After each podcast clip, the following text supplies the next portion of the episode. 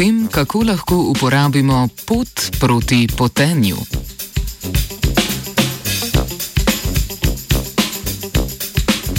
Zaradi če dalje večjega števila raziskav, ki potrjujejo negativne učinke kovinskih soli v antiperspirantih, narašča povpraševanje po bolj naravnih alternativah za premagovanje potu. Rešitev je morda bližje, kot bi si mislili. Sam znoj namreč vsebuje soli, ki lahko nadomestijo funkcijo kovinskih soli.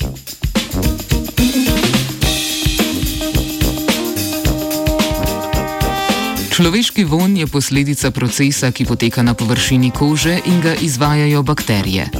Te razgrajujejo beljakovine, ki zaradi znojenja prehajajo skozi kožne pore na površino. Pot ni nič drugega kot vodna raztopina natrijevih, kloridnih, kalcijevih in bikarbonatnih ionov ter ureje. Slednja raztaplja druge metabolne odpadne snovi in toksine, ki jih telo izloča, da nimo prej omenjene beljakovine. Sam proces potenja pa ima še drugo pomembno funkcijo: termoregulacijo telesa, ki niža telesno temperaturo prek hlajenja z izhlapevanjem.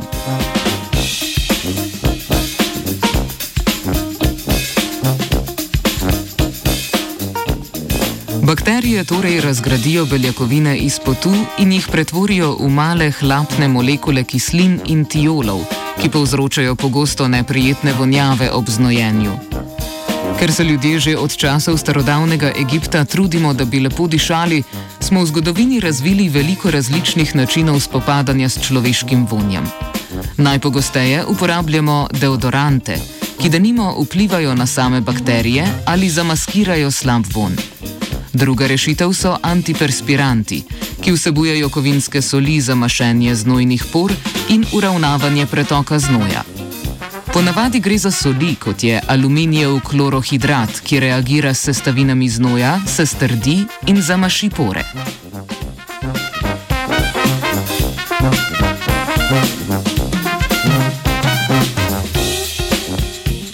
Zanimivi raziskavi, objavljeni v reviji ACS Materials and Interfaces, pa znanstvenice in znanstveniki predlagajo drugačno strategijo za boj proti znojenju. Ker je znoj predvsem vodna raztopina, so si zamislili, da bi s higroskopno snovjo povzročili izhlapevanje potu, še preden ta zapusti znojni kanal. Tako v kanalu ostanejo le preomenjeni ioni in ureja, ki jih prav tako lahko izkoristimo za to, da zamašijo znojne pore in tako uravnavajo pretok snovi skozi nje. Raziskovalna skupina je dokazala, da se s pomočjo higroskopne snovi in njene visoke afinitete do vode v pori oblikuje naravna, gelu podobna sol, ki zaustavi tok.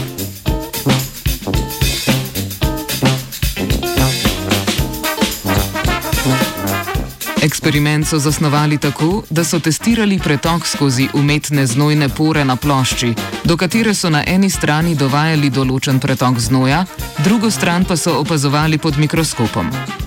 Ko so pori približali polimer PDMS, polnjen s higroskopno snovjo propilen glikolom, je po dveh minutah izhlapelo dovolj vode, da se je v pori oblikoval gelu podoben zamašek. Znanstvena skupina povdarja, da se to zgodi ne da bi bil potreben stik med poro in higroskopno snovjo. Torej, higroskopen material ne potrebuje stika s kožo. Tako polimerni nosilec kot higroskopno snov so izbrali na podlagi tega, da sta široko dostopni, dolgoživi in neškodljivi snovi.